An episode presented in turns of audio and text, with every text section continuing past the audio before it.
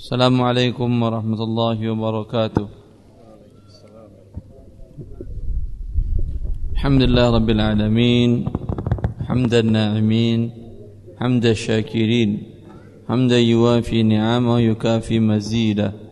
يا ربنا لك الحمد كما ينبغي لجلال وجهك العظيم وسلطانك القديم.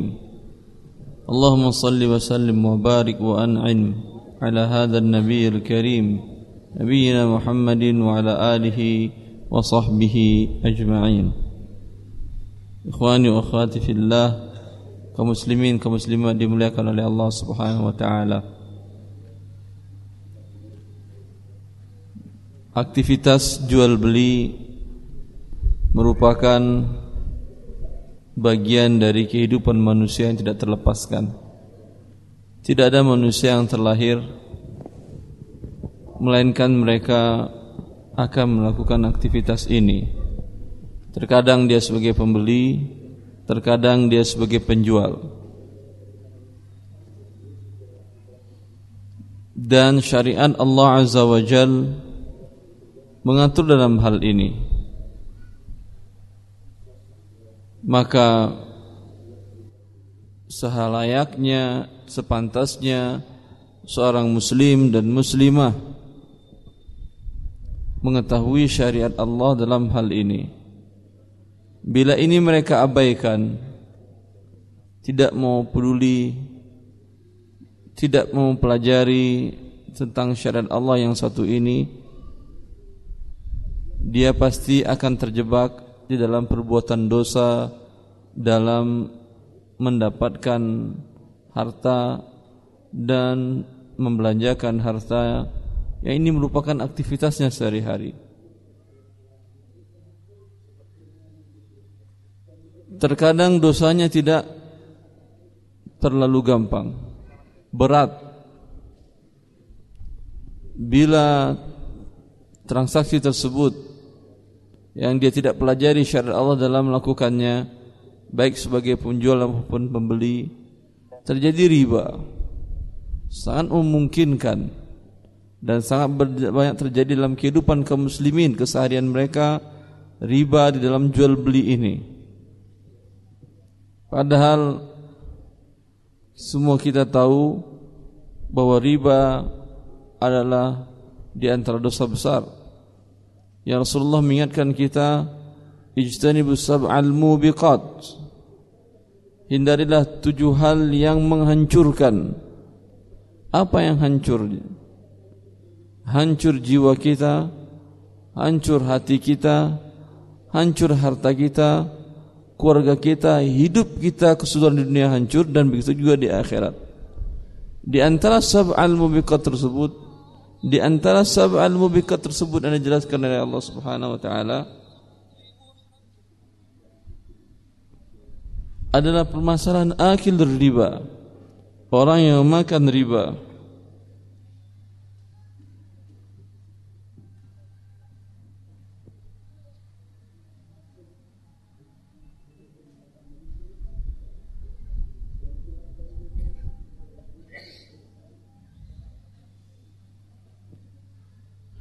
Ini terjadi karena tidak mempelajari syariat Allah dalam di antara jual beli ini. Oleh karena selayaknya seorang muslim dan muslimah mempelajari syariat Allah di dalam hal ini.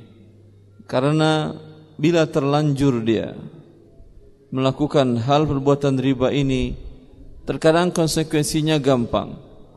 Terkadang konsekuensinya berat dan sangat berat sekali. ada salah seorang pedagang di sebuah pasar pusat perdagangan di Jakarta dia menanyakan kepada saya tentang kasus kehidupannya kasus aktivitas dagangnya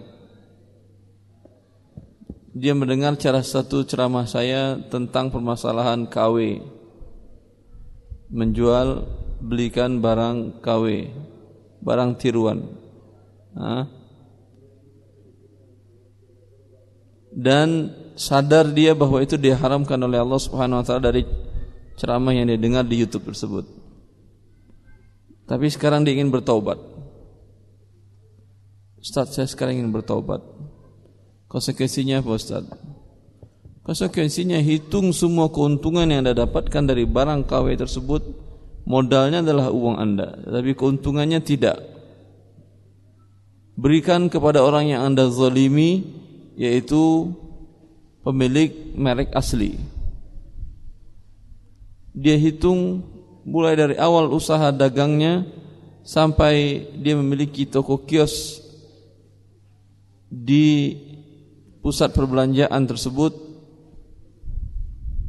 pusat belanja grosir tersebut dia menghitung-hitung lalu dia mengatakan dengan sadar Ustaz Masya Allah ternyata angkanya sampai 5 miliar Ustaz bagaimana ini caranya keluarkan tidak halal itu bukan hak anda akhirnya dia hitung-hitung dia hitung-hitung kemudian dia mengatakan salah satu rumah saya di Jakarta Timur itu Ustaz itu senilai 5 miliar sekarang. Mau saya apain Ustaz? Jual uangnya berikan kepada orang yang Anda zalimi. Saya enggak tahu Ustaz, merek asli itu di mana pemilik orangnya. Kalau Anda tidak tahu, maka sedekahkan atas nama mereka. Berikan kepada fakir miskin. Tai. Ada Anda yang mau sedekah 5 miliar? Ada? Kalau enggak ada, ada yang Anda mau terima sedekah 5 miliar? Enggak ada juga. Kalau itu ada. Tadi bukan sedekah itu. Konsekuensi dari pertobatan dia, dia dalam bisnisnya selama ini. Dari beli barang jual barang. Dan konsekuensi dari pertobatannya selain mengeluarkan uang yang tidak halal tadi, dia sekarang tidak lagi menjualkan barang-barang yang tiruan tadi. Apa yang dilakukan? Dia bikin merek sendiri. Dia jual jam tangan. Dia datang ke salah satu negara. Di negara itu bisa pesan merek sendiri dengan ada beberapa modifikasi dalam produk itu. Dia bikin merek sendiri. Sekarang dia punya lima hak paten di untuk sebuah jam tangan. Alhamdulillah Ustaz sekarang semuanya saya jual oli Kalau enggak merek saya saya jual sendiri Bahkan dia menjadi distributor untuk menjadi produsen lah milik merek sendiri Ini konsekuensi bertobat kepada Allah Dari dahulu menjualkan barang tiruan Sekarang memiliki lima merek dagang sendiri Ya Ini kan berat mengeluarkan angka sebegitu besar. Tapi kalau dia belajar syariat Allah dari awal, mungkin ini tidak terjadi. Dan bagaimana akhir kisah tersebut? Dia berani mengeluarkan 5 miliar. Kenapa dia berani? Coba, siapa di antara anda berani sedekah 5 miliar? Ada yang berani? Ada? Uangnya 10 miliar, 10 miliar uangnya. Andai, andai, ini pun andai. Andai anda punya uang 10 miliar, mau 5 miliar disedekahkan? Ada yang berani? Tunjuk tangan. Ini Allah saksinya ya. Kalau tidak halal bukan sedekah. Taib. Dia kan diserahkan kepada fakir miskin.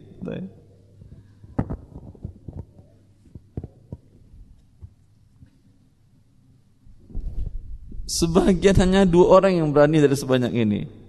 Membayangkannya saja, Anda tidak berani mengeluarkan lima miliar. Hanya membayangkannya saja. Apalagi kalau realnya di tangan Anda uang itu. Yakin saya nggak berani.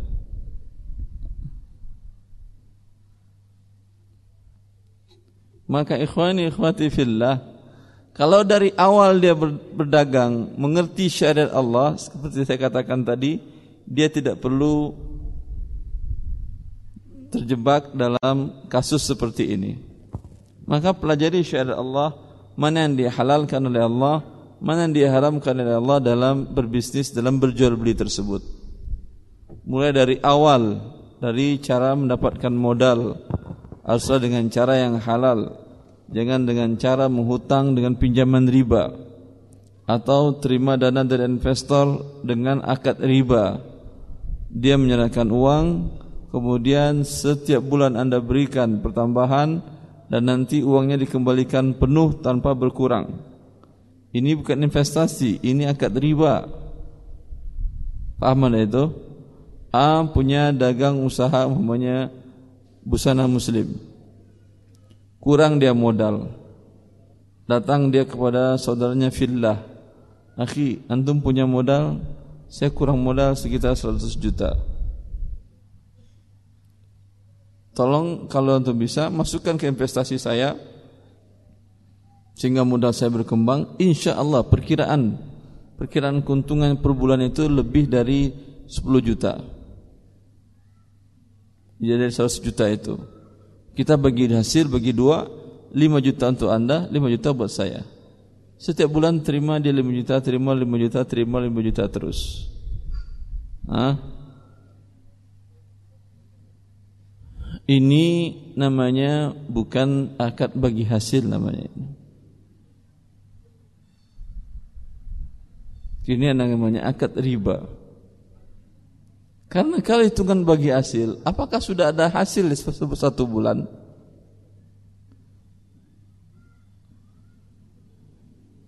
Karena hasil itu ada setelah modal kembali. Bila belum modal kembali, maka belum ada hasil. Biasanya kapan orang pedagang itu menghitung kembali modal dan tidaknya, untung ruginya di akhir di akhir bulan pada akhir tahun. Pedagang, mana pedagang? Banyak pedagang sini. Kapan? Setiap bulan untuk menghitung kembali modalnya? Setiap akhir bulan. Langsung dihitung berapa terjual, berapa atau akhir tahun. Akhir bulan. Dihitung berapa untungnya, berapa ruginya. Taib. Sudah kembali modal atau belum di akhir bulan itu? Bulan pertama. Bulan pertama Anda umpamanya modal tadi 100 juta, modal teman 100 juta. Dagang. Setelah satu bulan kembali belum modal 200 juta? Belum, sudah ada untung? Sudah ada untung. Untung dari mana? Modal belum kembali. Kecuali yang jualnya namanya si untung.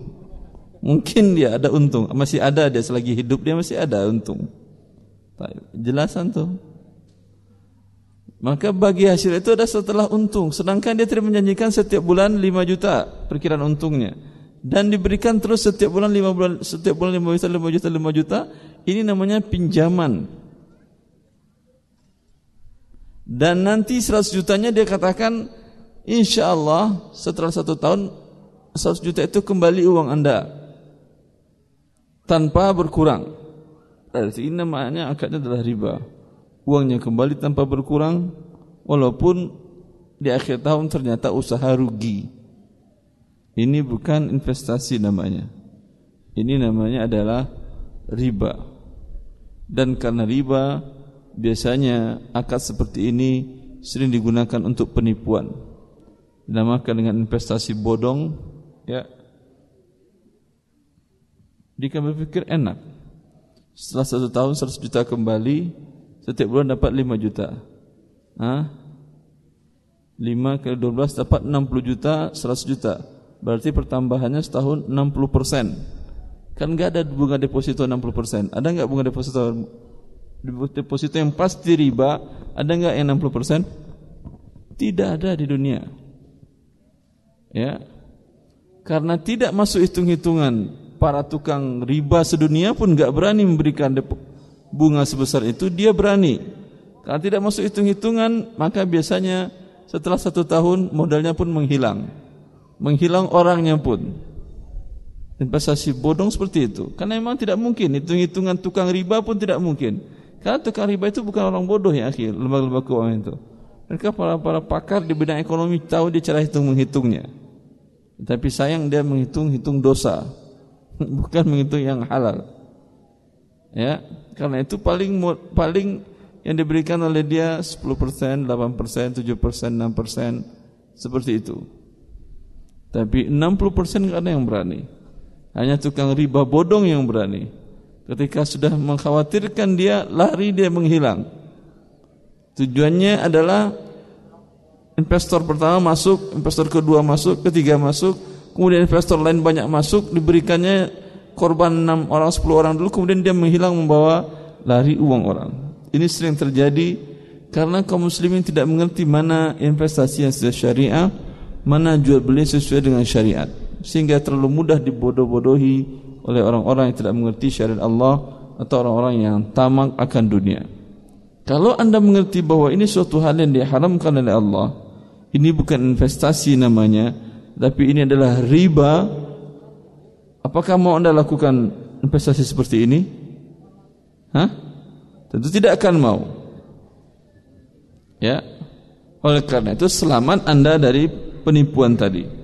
Karena anda mengerti syariat Allah. Maka syariat Allah sesungguhnya menyelamatkan kita dari kerugian material di dunia dan kerugian yang abadi di akhirat. Karena Allah telah mengancam pelaku riba tadi dia yang meninvestasikan tadi, investor tadi, selain kehilangan uang, janji Allah di akhirat dia masuk neraka.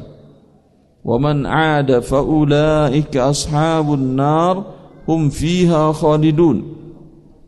Siapa yang kembali berbuat riba setelah Allah jelaskan bahwa riba hukumnya haram dan dia mengetahuinya, kembali dia lakukan riba, maka Allah mereka adalah penduduk neraka kekal mereka di dalamnya masih ada untung berbuat riba tadi baik pemberi makan atau sebagai investor tadi ataupun yang menerima modal dengan cara riba tadi padahal ini sangat gampang sangat mudah dihindari bila anda mengerti akan syariat Allah dalam berdagang dalam berbisnis dalam berusaha dan dalam berjual beli dan segalanya. Baik, silakan. Baik. Barangkali langsung sesi tanya jawab ya, Ustaz? Ya, ya, terlalu panjang saya ceramah nanti juga. Baik, barangkali sudah ada pertanyaan lewat kertas. Baik. Iya, bisa dibantu nanti dengan teman-teman panitia. Ini ada pertanyaan datangnya dari Umahat. Assalamualaikum Ustaz. Assalamualaikum Mau tanya Ustaz, hukumnya membuat dan menjual kuku palsu. Apa? Kuku, kuku palsu. Ah, nah, untuk digunakan pengantin itu gimana? Apakah kuku palsu seperti panjang? Ya, panjang. Ya, kuku asli aja wajib dipotong, apalagi yang palsu. Ini supaya apa? Terkesan supaya apa? Sangar begitu sehingga calon suami takut. Jangan macam-macam kamu ya kuku saya panjang. Nanti kalau kamu macam-macam setelah menikah, nih kuku saya akan muncul sendiri seperti ini. Ya. Subhanallah. Jangankan yang palsu, yang asli saja kita disuruh memotongnya.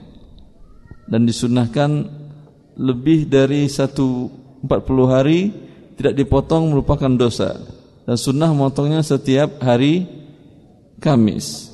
Semua kita muslim tahu.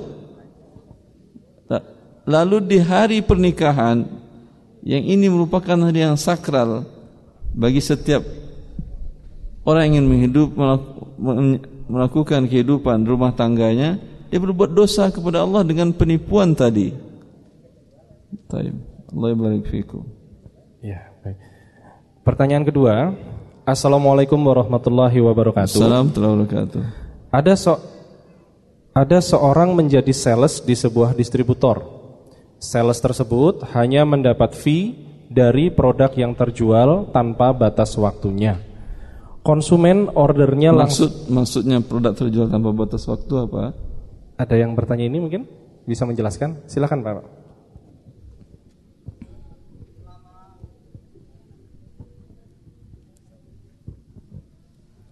Maksud yang saya tanyakan adalah selama konsumen yang dicari uh, dari sales tersebut bertugas untuk mencari konsumen. Selam, ini kata distributor ini barang tolong cari jualkan gitu. Iya, konsumen menawarkan sebuah produk. Konsumen atau eh, distributor? Eh, sales menawarkan sebuah produk kepada konsumen. Sebe- sekarang kan distributor dengan sales dulu. Iya, heeh. Ya, kata distributor, tolong jualkan produk saya ini. iya. Diserahkan barang ke Anda. Eh, dengan sampel Ustaz. Nah, sampel doang. Dengan sampel ya. Eh, se- dengan perjanjian sales tidak mendapatkan gaji tapi dia mendapatkan fee dari hasil penjualan, penjualan produk tersebut. produk tersebut. Hmm. Berapa terjual dengan bagaimana kesepakatan harganya?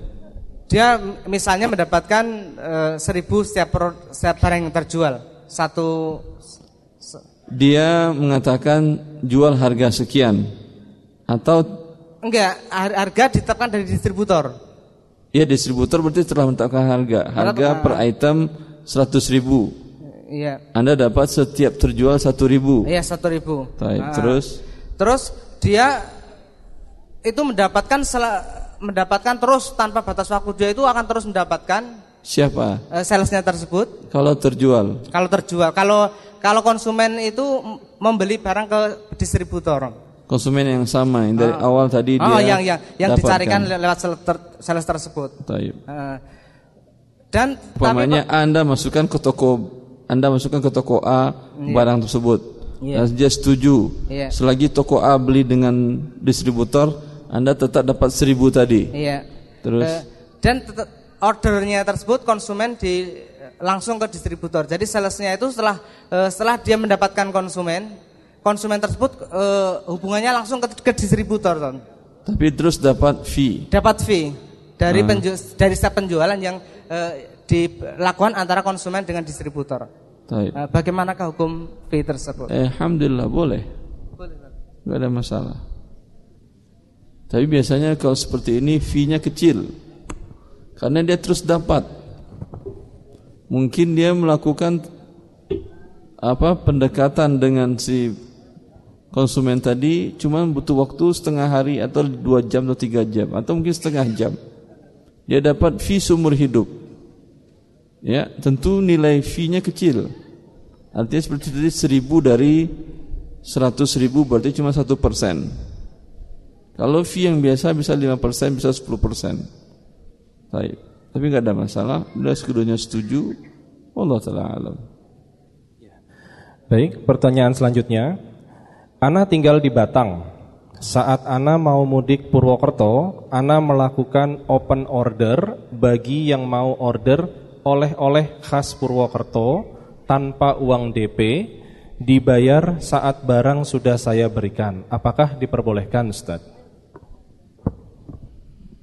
Dia mau pergi ke Purwokerto, bawa oleh-oleh untuk orang Batam. Eh, dia open order dulu, Ustaz. Bukan bawa oleh-oleh untuk orang Batam. Bukan.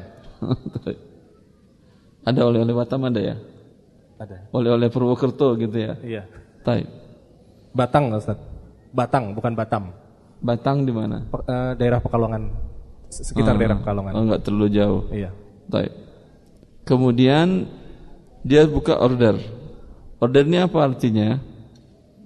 Kalau dia beli nanti yang pesan wajib bayar, gitu. Dan dibayar saat diberikan. Wa- Wajib bayar. Dibayar setelah diberi setelah barang diserahkan Iya. baru dibayar. Iya, betul. Tapi kalau dia nggak jadi, nggak jadi beli, nggak apa-apa dapat risiko nggak apa-apa. Kalau nggak apa-apa boleh. Tapi kalau ngamuk-ngamuk nggak boleh. Ah. Karena berarti sudah ada akad. Akad itu artinya mengikat. Paham Anda itu? Tapi kalau dia enggak ja- Afwan teman-teman ikhwan, masih ada tempat yang kosong. Eh, Duduk, duduk, Pak. baik. Duduk, di duduk. sebelah Masih utara, bagian barat sebelah utara masih kosong. Kami persilahkan. Duduk. Iya. Ma- Kalau enggak nanti yang di belakang agak maju, silahkan merapat agar saudara-saudara kita yang lain bisa eh, mendapatkan faidah dari kajian ini. Karena yang namanya majelis majelis dari kata jalasa. Jalasa artinya duduk, berarti majelis duduk antum. Kalau berdiri bukan majelis namanya, makom. Makom tempat berdiri. Tapi kalau Indonesia makom menakutkan. Ya, dinamakan dengan makom Ibrahim itu tempat berdiri Nabi Ibrahim membangun Ka'bah. Apa kalau kita namanya tangga kali ya? Itu namanya makom. Sampai sekarang masih ada.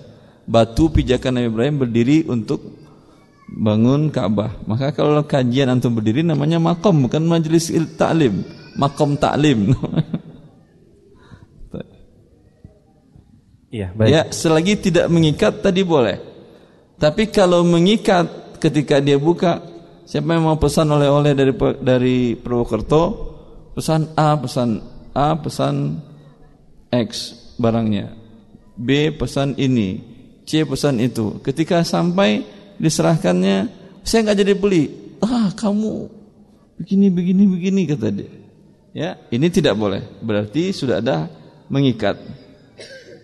Karena bila telah mengikat si penjual ya yang datang ke Purwokerto tadi belum memiliki barang ya dan dia sudah mengikat sudah membuat akad penjualan maka ini namanya menjual barang.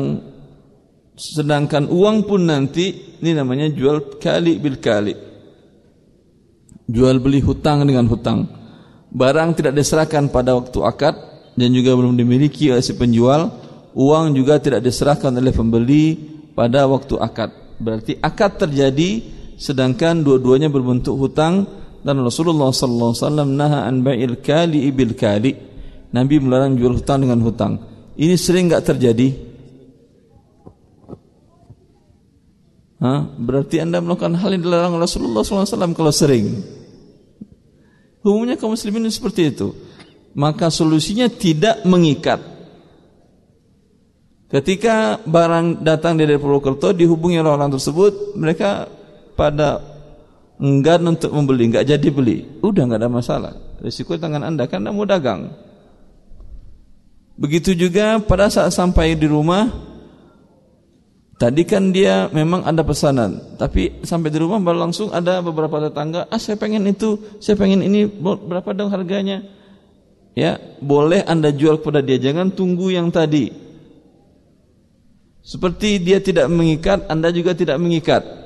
Sama seperti halnya ya atau anda katakan kepada yang membeli nanti dulu. Kalau si fulan jadi dia ada pesan ini nggak ada masalah. Kalau dia nggak jadi silakan ambil. Silakan ambil. Itu jadi baik. Allah taala alam. Iya baik. Pertanyaan selanjutnya saya jual solar di pom bensin. Kemudian ada peraturan katanya yang beli solar. Ada peraturan katanya. Iya. Kata peraturan tersebut. Kata peraturan tersebut. Katanya yang beli solar harus urus di dinas terkait dan di sebuah pom bensin. Hanya surat dari kecamatan sudah bisa dibeli. Jadi hanya dapat surat dari kecamatan sudah bisa beli. Serta terkadang ada uang cor uang uang uang untuk kejerigen sebesar seribu rupiah. Bagaimana yang semacam ini Ustaz? Diperbolehkan apa tidak? Enggak paham saya ini. Ini kalau yang saya pahami enggak boleh beli solar kecuali ada surat dari kecamatan, kecamatan. begitu. Iya, betul. Bahwa Anda beli solar. Iya. Ada penanyanya ini? Masa seperti iya. itu? Silakan dibaca. Memang seperti itu akhir. Enggak boleh beli surat kecamatan nggak boleh beli air kalau surat. Ini biasanya kan membeli solar pakai trigen. Uh, oh itu iya ada aturan. Ya. Dan oh, ada itu ada, dilarang dimasukkan jadi bensin dan solar ke dalam jerigen. Ya, tapi diperbolehkan bila ada surat dari mungkin seperti dinas perhutanan karena apa hubungan hutan dengan takut dibakar hutan ya gitu? Ya itu peraturannya seperti itu. Kemudian kami hanya meminta dari kecamatan saja dan dari pihak pom bensin itu sudah diterima. Siapa yang menerima? Peraturan tadi jadi boleh dikecualikan surat kecamatan. Ya dari pom bensin sendiri kalau sudah ada bukti surat seperti itu diperbolehkan untuk yang menerangkan silahkan dia beli pakai jerigen gitu. Iya. Pakai plastik juga boleh, plastik kantong plastik juga boleh. Gak pakai jerigen itu. Jerigen doang, kantong plastik juga. Kalau kantong plastik surat dari mana? Wallah taala alam. Kalau emang seperti itu aturannya apa boleh buat? Gak ada masalah.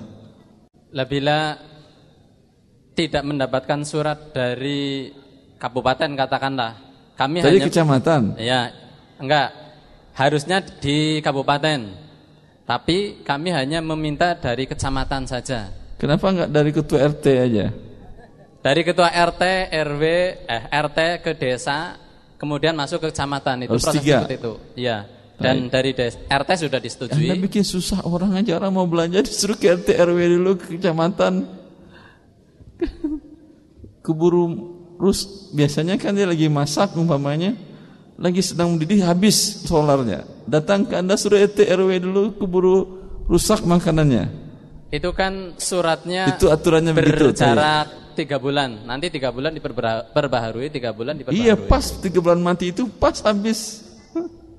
Ala kulli hal, kalau mau seperti itu aturannya apa boleh buat? Mungkin waliul amr atau pihak yang berwenang dalam menetapkan aturan seperti ini manfaatnya tentu ada. Tentu ada tujuannya. Maka kita sebagai rakyat dan kita sebagai muslim dan Allah perintahkan untuk mentaati mereka selagi bukan maksiat. Ini kan bukan maksiat kan ya? Nah kalau surat Maka itu taati. sudah sudah kadaluarsa, kami tetap menjual, membeli saja. Bagaimana hukumnya seperti Dan itu? dia mau jual.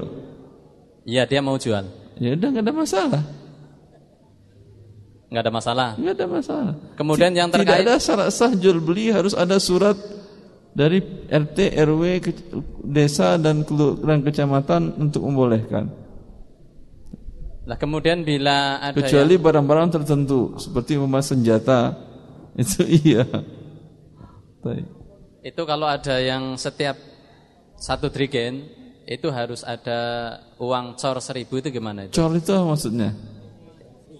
Semacam ngisi itu upah isi. Pengisi, upah ngisi. Anda kan beli bukan gratis. Kenapa diupah lagi dia oleh Anda? Enggak masuk harga lagi. Tips intinya atau apa? Riswah kan intinya? Ah, saya laporin KPK antum. Tapi nggak apa-apa Ustaz di bawah 500 ribu kan nggak termasuk.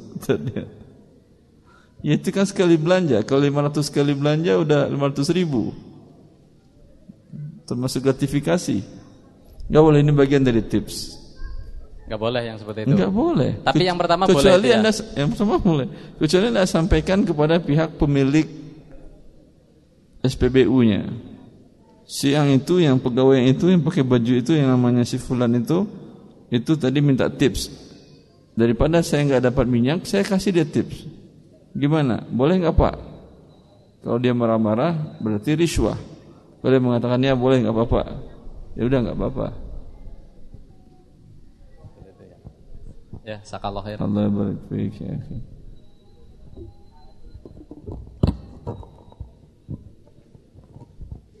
Kalau ini uang cornya berapa kalau uang cor ayam? 100 rupiah uang cornya. Baik, eh, berikutnya tentang hukum jual beli online, Ustaz. Eh, kasusnya seperti ini. Kalau sudah menjalin kerjasama dengan distributor, tetapi Ana menjual dengan cara promosi produk berupa gambar. Setelah transaksi, barang langsung dikirim dengan persetujuan distributor. Ulangi, dia sudah ada perjanjian dengan distributor. Ya, eh, sudah menjalin kerjasama dengan distributor. Jalin kerjasama maksudnya apa? Iya, ada yang ber- bertanya ini mungkin angkat tangan? Karena kadang jalin kerjasama itu bukan jual beli, bukan akad wakalah. Yang bertanya ini angkat tangan mungkin dari Ikhwan atau Ahmad? Oh, Fadal. Apa maksud menjalin kerjasama itu? Assalamualaikum warahmatullahi wabarakatuh Ustaz Assalamualaikum warahmatullahi wabarakatuh. Anak Iri Ustaz dari Cilacap ya. Masya Allah. Eh, Begini Kebetulan Ana sama Saujah Menjalin eh, Bukan menjalin Menjalankan Menjalin hubungan betul antara dua. Menjalankan- Kerjasama itu betul. Menjalankan bisnis online Seperti Ah, itu Masya Allah. Cuman yang Yang cash yang satu ini Permasalahan yang satu ini Ana agak ragu Ah, Karena kita sudah kerjasama Bekerjasama maksudnya sudah eh, Wakalah Akadnya wakalah seperti itu Dari Anda yang menjualkan atau pemilik barang? Menjualkan Anda yang menjualkan. Wakalah itu bawa barang tanpa bayar dulu. bisa bisa bisa bisa seperti itu bisa juga Artinya Anda katakan kepada produsen, supplier, tolong kirim barang ke fulan. betul Nggak perlu uang di awal. pakai uang di awal?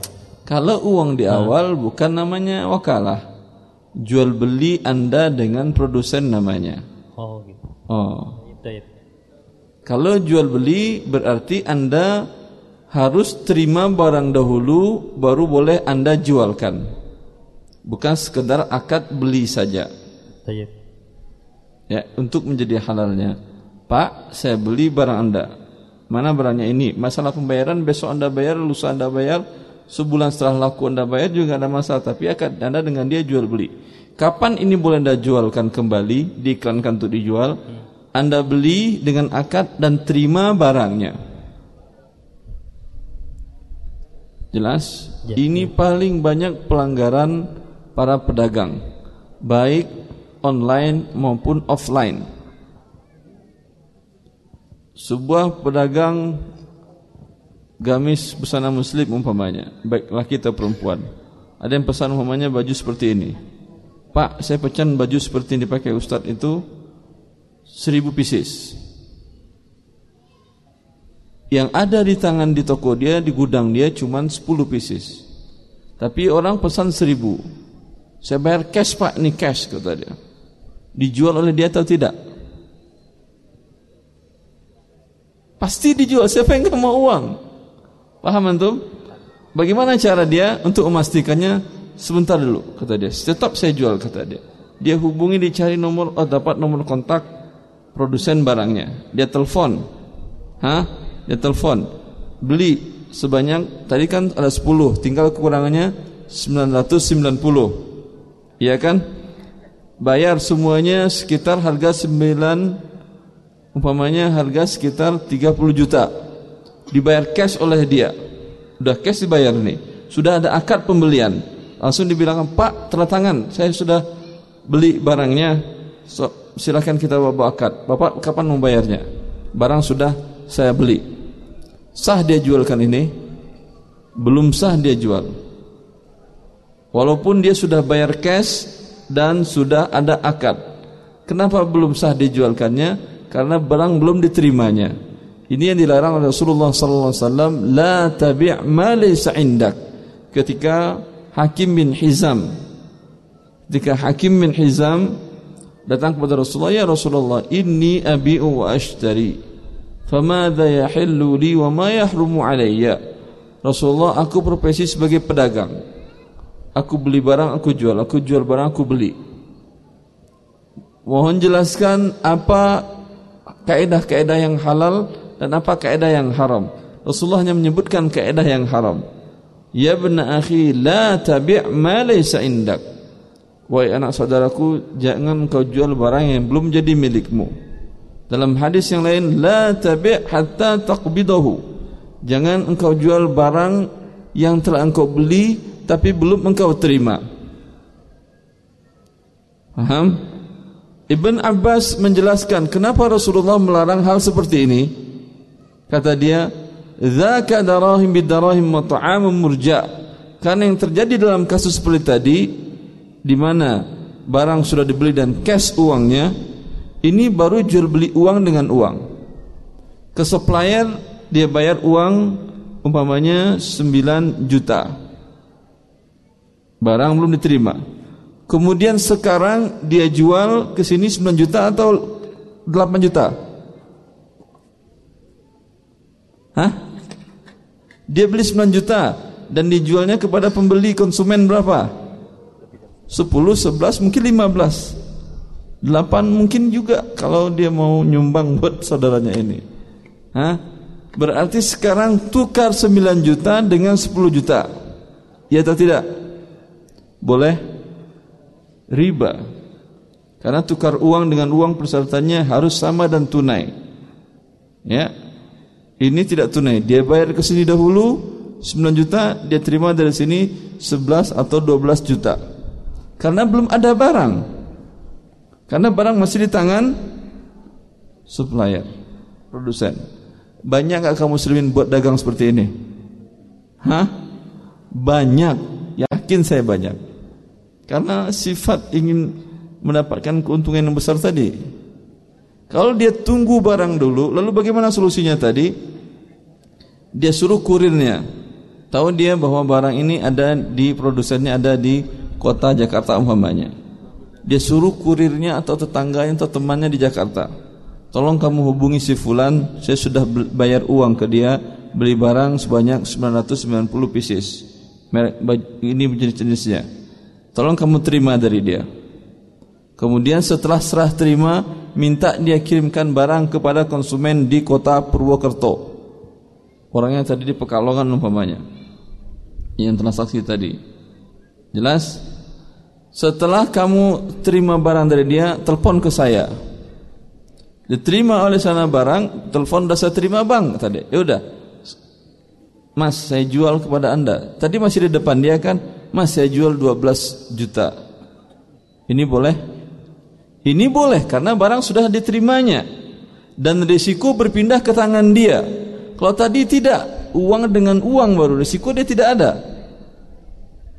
Ternyata barang yang diterima yang dibelinya tadi menjadi hilang, hancur segala macam, terbakar atau kebawa banjir dan segala macam. Hah? Saya yang bertanggung jawab. Ekspedisi. Ekspedisi tanggung jawab.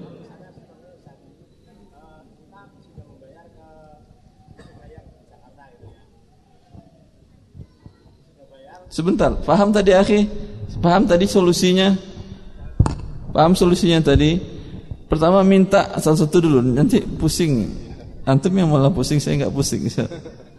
Solusinya tadi akadnya minta keagenan. Kalau keagenan saya menjualkan tidak mesti bayar di awal. Karena agen itu statusnya wakil dari Anda. Wakil dari supplier. Kalau saya mewakilkan kepada teman, kepada orang yang saya kenal, Apakah saya minta uang dulu? Tentu tidak. Dan biasanya akad wakalah ini orangnya saya percaya. Nanti dia bawa barang saya nggak muncul-muncul. Paham? Kalau saya nggak kenal dengan dia dan di dia online seperti ini, pasti saya minta uang dahulu. Kalau saya minta uang dulu sebelum saya kirim barang, berarti akadnya jual beli. Kalau akadnya jual beli, belum boleh anda jualkan. Menjualkan saja belum boleh Anda di situs Anda sebelum Anda terima dulu barang dari saya. Masalah pembayaran bisa nanti-nanti. Yang penting terima dahulu barang. Setelah itu baru boleh Anda jualkan. Jelas? Kalau misalnya kita sudah membayar ke supplier di Jakarta Ustaz. Ya. Sudah dibayar, kita minta tolong kepada supplier, tolong diantarkan ke ekspedisi.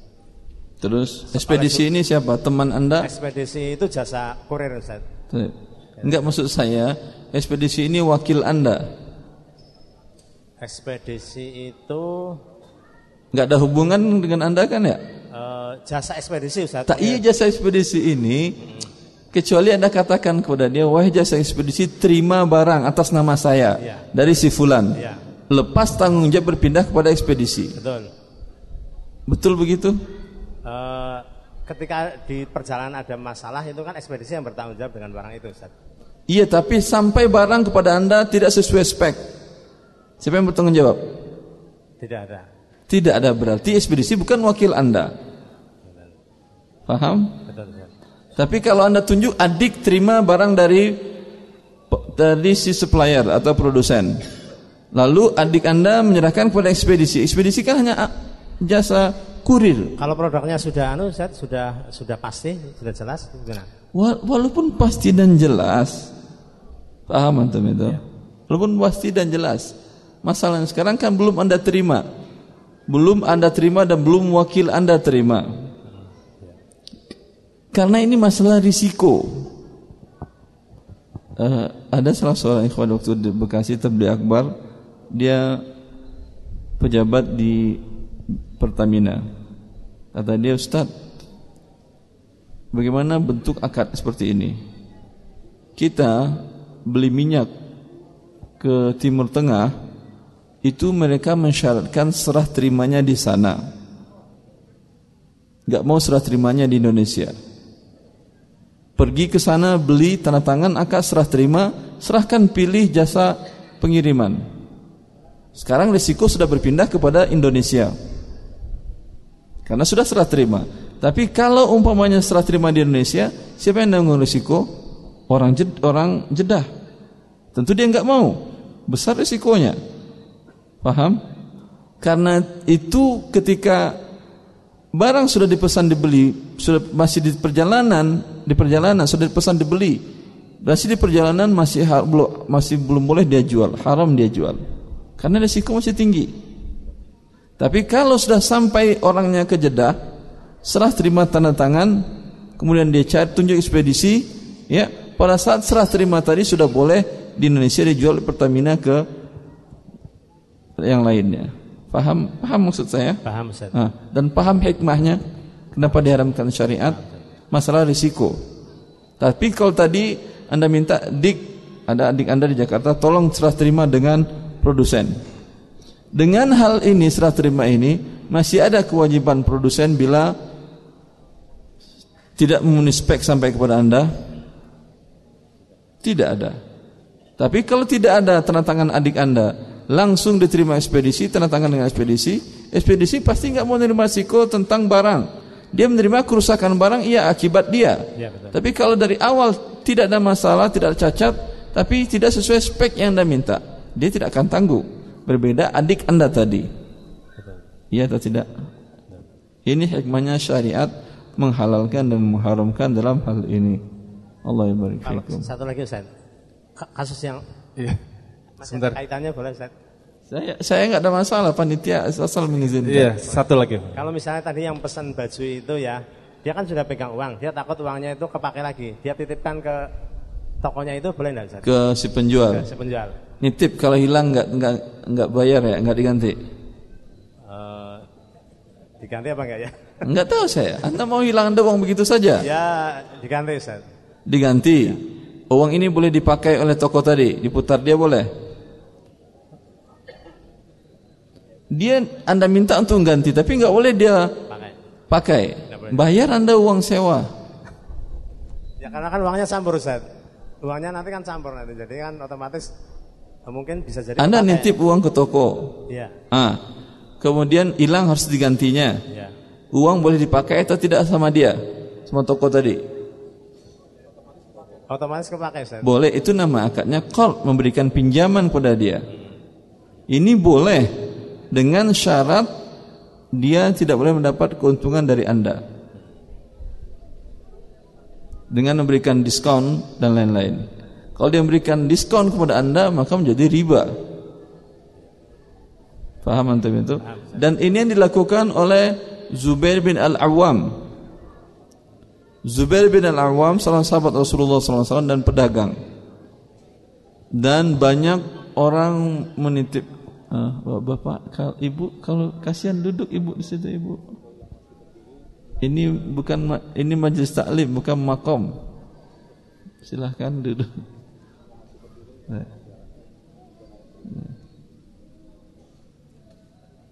Sampai di mana tadi?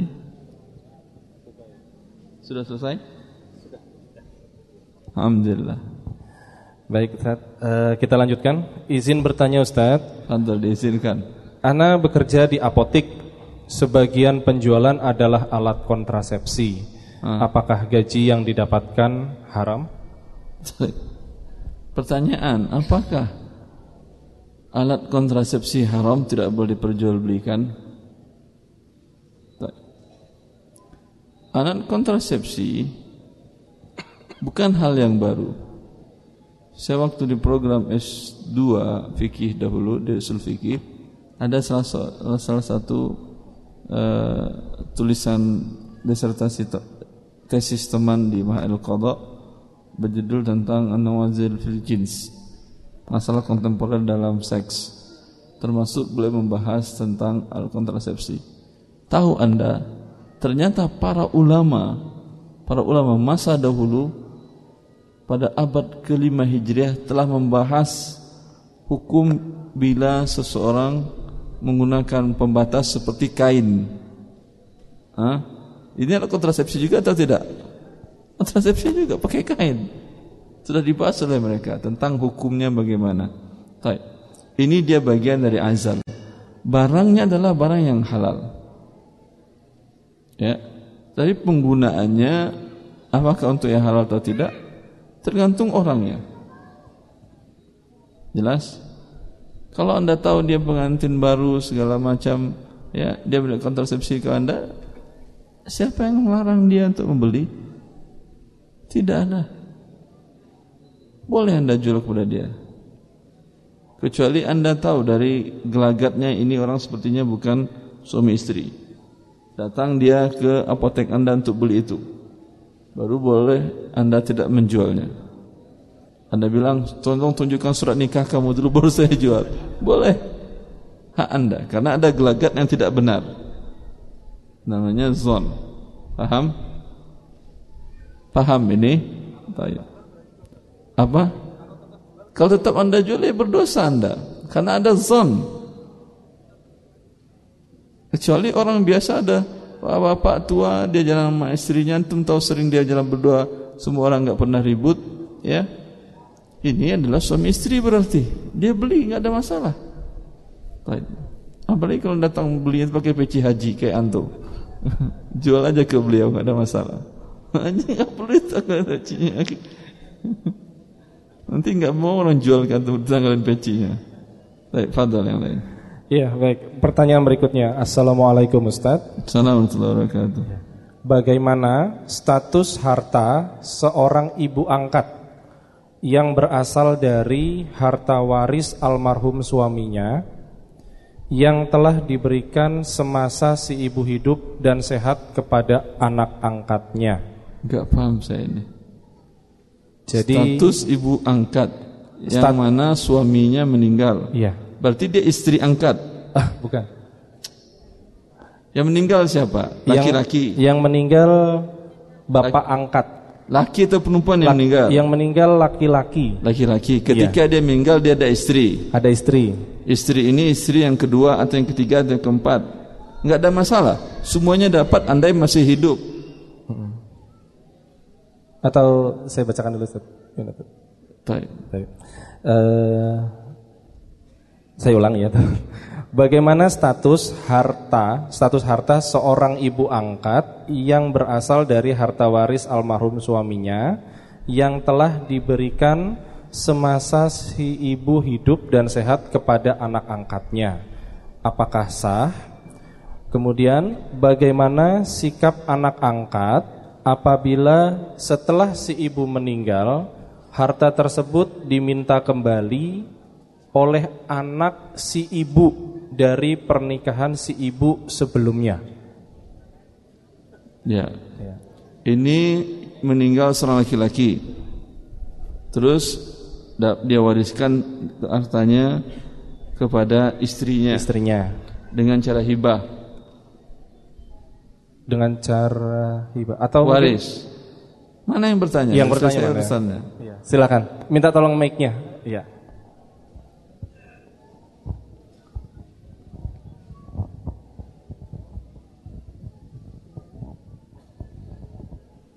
Enggak ada orangnya? Ada. Yang bertanya? Atau titipan mungkin? Enggak ada ya? Titipan mungkin Jadi yang kami tangkap Orangnya enggak ada kenapa dijawab? Bisa untuk menyampaikan ke dia enggak juga kan ya? Oh iya. Karena ini kasus, kalau kasus beda ya, akhi. Salah sedikit semuanya bisa jadi salah. Oh. Ada pertanyaan keduanya, Ustaz. Adakah batasan harta hibah? Apakah sepertiga, seperti wasiat atau berapa dan adakah dalilnya? Kalau waktu saat dia hidup dan segar, boleh dihibahkan seluruh hartanya. Seperti Abu Bakar menghibahkan seluruh hartanya untuk jihad fisabilillah. Utsman setengah hartanya. Tidak ada masalah pada saat sakit akan meninggal ya ini hibah tidak boleh lebih dari sepertiga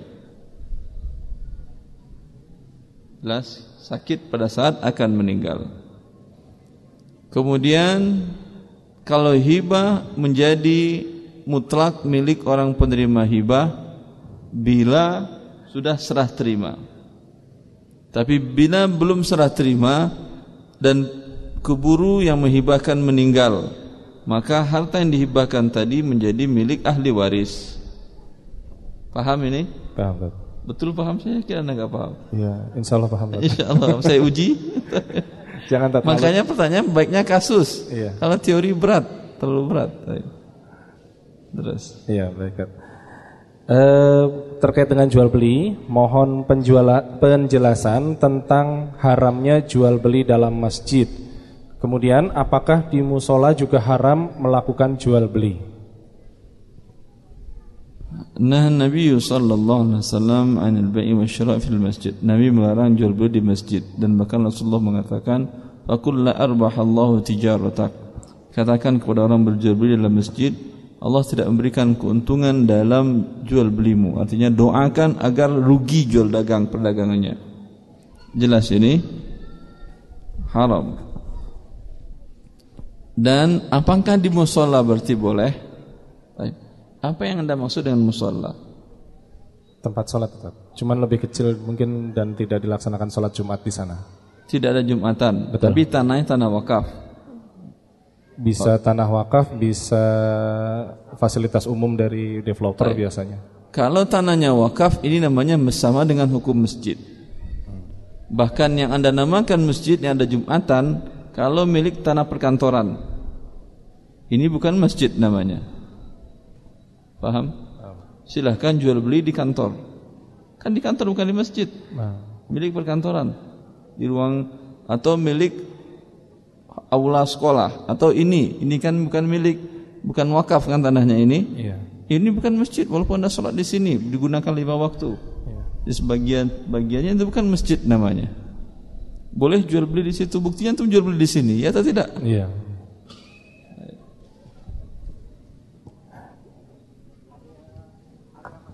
Area masjid itu mana? Seluruh tanah yang wakafkan untuk masjid di sana. Ya. Mulai dari Halaman pagarnya semuanya itu dibeli untuk masjid. Ya. Seperti yang antum lihat kalau kalau kita melakukan ibadah haji dan umrah, lihat Masjid Nabawi dan Masjidil Haram. Mana batas masjid dan tidak dengan pertokoan? Kalau Masjidil Haram, mana batas antara Masjidil Haram dengan Grand Zamzam? Mana batasnya? Ada tiang setengah satu meter seperti ini, ya atau tidak? Warna hitam, kemudian ada lampu di atasnya. Itu di ujung dari ubin yang berwarna putih. Yang berwarna putih Masjidil Haram, anda setengah jengkal saja keluar dari situ milik Grand Zamzam. Langsung pertokoan, pasar. Itu batasan antara Masjidil Haram dan selainnya. Masih di halaman masjid tersebut yang putih itu ya Anda ada orang pesan online, Anda oh iya, silahkan. Nanti saya kirim barangnya. Itu jual beli namanya. Haram di sana. Keluar sedikit setengah langkah, selesai. Tak buat akad di sana. Jelas? Maka kalau masjid yang tanahnya wakaf, karena persyaratan masjid Allah mengatakan wa annal masajida lillah fala tad'u ma'allahi ahada. Sesungguhnya masjid-masjid itu milik Allah. Bagaimana merubah tempat menjadi milik Allah? Tentu dengan diwakafkan. Seperti Rasulullah SAW membuat, masjid Nabawi itu tanah beliau beli dari beberapa orang anak yatim, kemudian beliau wakafkan. Beliau wakafkan bukan menjadi milik pribadi lagi. Bukan menjadi milik pribadi yang tidak bisa diwariskan dan tidak bisa dihibahkan, tidak bisa dijual belikan lagi. Sudah menjadi milik Allah. Maka yang diwakafkan semuanya untuk masjid tadi itulah masjid. Walaupun sebagian belum dibangun bangunan di sana. Terkadang digunakan sementara untuk tempat parkir. Jelas. Kamar mandi wakafnya bukan wakaf masjid. Wakaf fasilitas pendukung. Anda lihat di Masjidil Haram ada kamar mandi di dalam masjid. Semuanya di luar masjid. Bahkan sekarang di samping Grand Zamzam dibuat kamar mandi khusus yang lebih panjang dan lebih luas.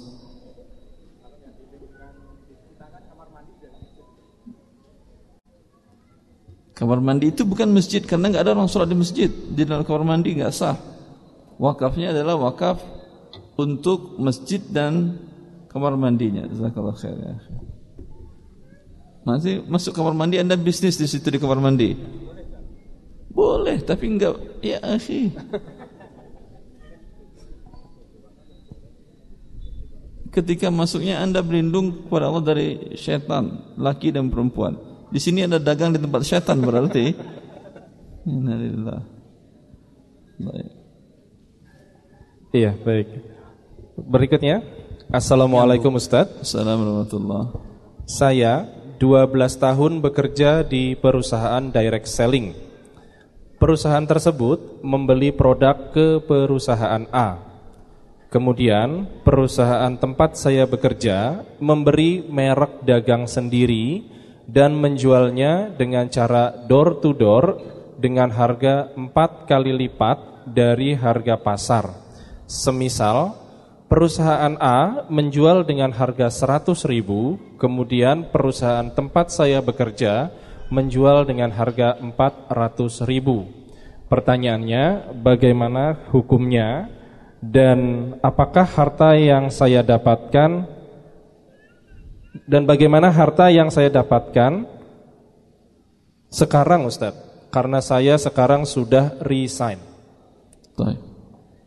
Pertama, direct selling. Direct selling artinya jual beli langsung kan ya?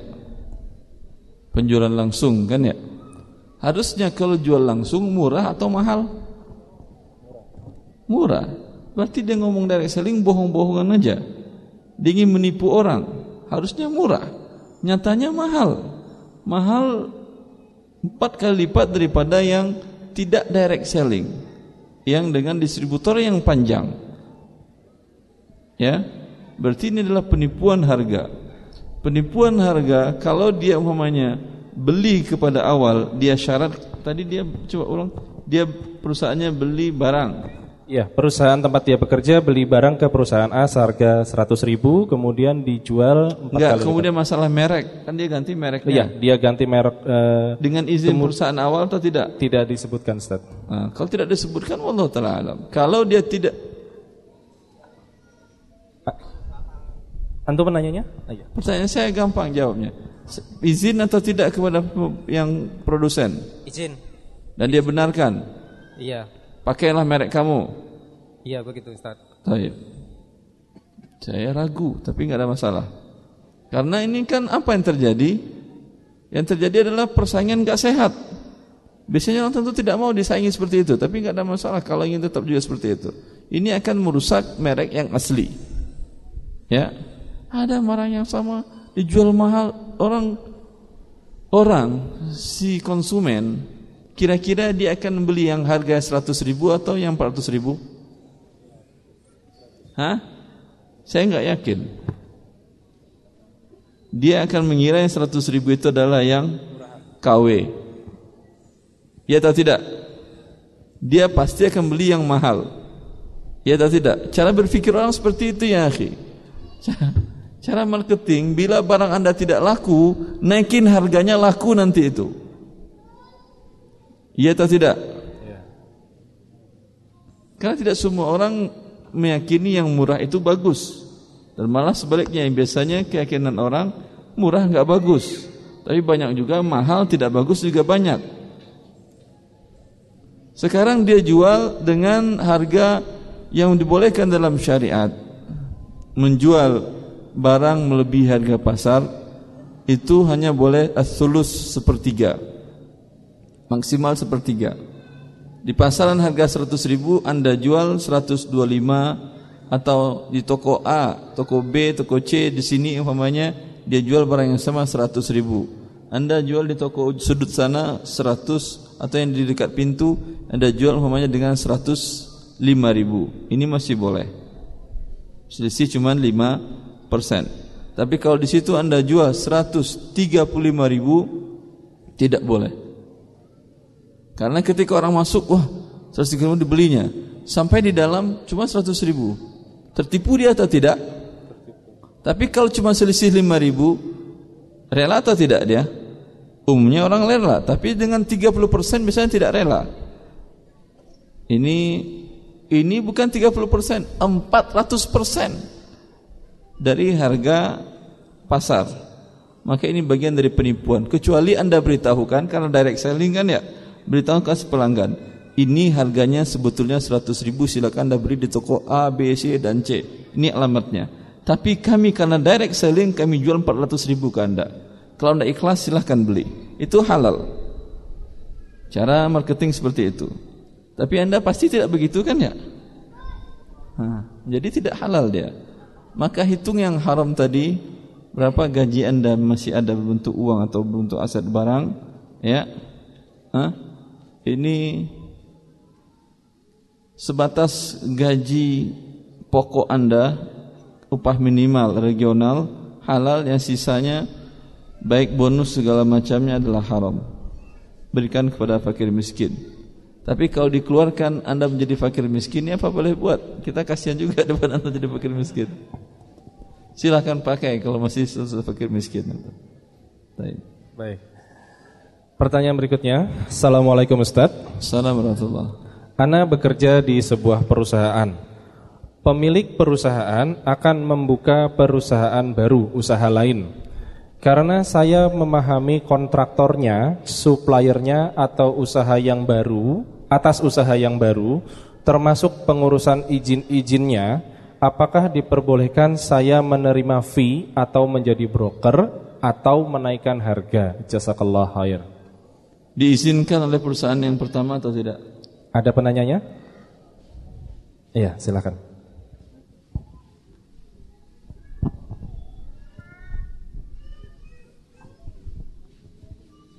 Tidak tahu, Ustaz. Kalau tidak tahu ya nggak boleh antum. Tapi itu kan saya kerja itu ada job desk itu bukan job apa job desk saya seperti itu. Kenapa? Tapi bukan job desk saya untuk ngurus usaha lain itu. Iya, Anda pakai jam kerja atau bukan? Kadang, tak. Iya. Anda disuruh kerja untuk ini, Anda kerjakan yang lain, dapat gaji ini, dapat juga ini, dapat juga. Boleh seperti itu. Seorang muslim memenuhi persyaratannya. Anda digaji untuk duduk. Capek saya duduk mulu mending anda ada proyek baru saya kerjain yang lain. Baik. Kalau di luar kerja segala macam, enggak haram. Anda disuruh untuk gergaji untuk duduk manis gitu aja. Hah? Sekarang Anda proyek pengetikan Anda ketik sambil duduk biar enggak biar enggak capek segala macam. Haram ya akhi. Anda bukan untuk disuruh ngetik, disuruh duduk kecuali uang hasil ketikan Anda berikan kepada bos Anda yang menggaji duduk tadi. Pak, saya kan sudah digaji untuk duduk, tapi karena saya bosan, saya terima ketikan. Ini uang ketikannya untuk Bapak. Halal kalau begitu. Paham untuk? Paham. Dan sebaliknya juga. Anda digaji untuk disuruh ngetik. Duduk aja kerja Anda dapat gaji, ngetik, padahal Anda duduk, kembalikan uangnya. Pak, kalau gaji duduk cuma segini. Hah? Saya cuma duduk, saya nggak ngetik. Maka sebagian gaji ambil lagi untuk Bapak. Paham, Tat? Allah Iya, baik. E, berikutnya Tat menyambung tentang jual beli di masjid dan tanah wakaf Tat. Bagaimana kalau tanah di masjid dan tanah wakaf bukan seperti itu. Okay. Persyaratan masjid tanah wakaf ini berarti di setiap tanah wakaf enggak boleh jual beli. Enggak, bukan seperti itu. Dia wakafkan tanahnya umpamanya untuk menjadi tempat wisata kaum muslimin. Ditarik biaya juga dan biayanya untuk keuntungan kaum muslimin atau dia wakafkan gedung ini manfaat dari gedung ini jasa uangnya untuk fakir miskin. Ini boleh jual beli di sini karena ini bukan masjid. Yang dimaksud saya itu Masya Allah. Zakallah khair. Enggak apa-apa merah putih enggak apa-apa. Enggak boleh hitam-hitam enggak boleh. Ya, pertanyaannya begini, Ustaz. Bagaimana kalau tanah wakaf tadi diwakafkan ke yayasan dan untuk masjid atau bukan? Dan masjid dibangun di atas tanah wakaf yayasan. Apakah tanah Berarti yang berwakaf sekarang untuk masjid yayasan? Iya. Seperti itu ya pertanyaannya? Iya, silakan mic mic mic-nya. Assalamualaikum warahmatullahi wabarakatuh. Assalamualaikum warahmatullahi wabarakatuh. Begini Ustaz, kaitannya dengan bangun masjid tadi, jadi tanah diwakafkan ke yayasan. Yang mewakafkan seseorang. Seseorang ke yayasan. Tanah.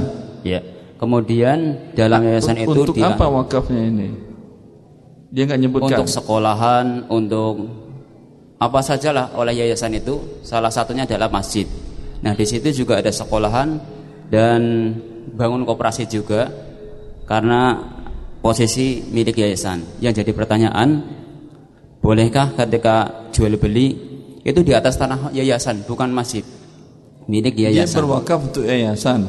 Iya. Wakaf yayasan ini dia tahu mengolah pendidikan akan ada masjid juga di sana. Iya. Dan dia tidak tentukan bagian mana yang untuk masjid tidak ditentukan dia. Tidak.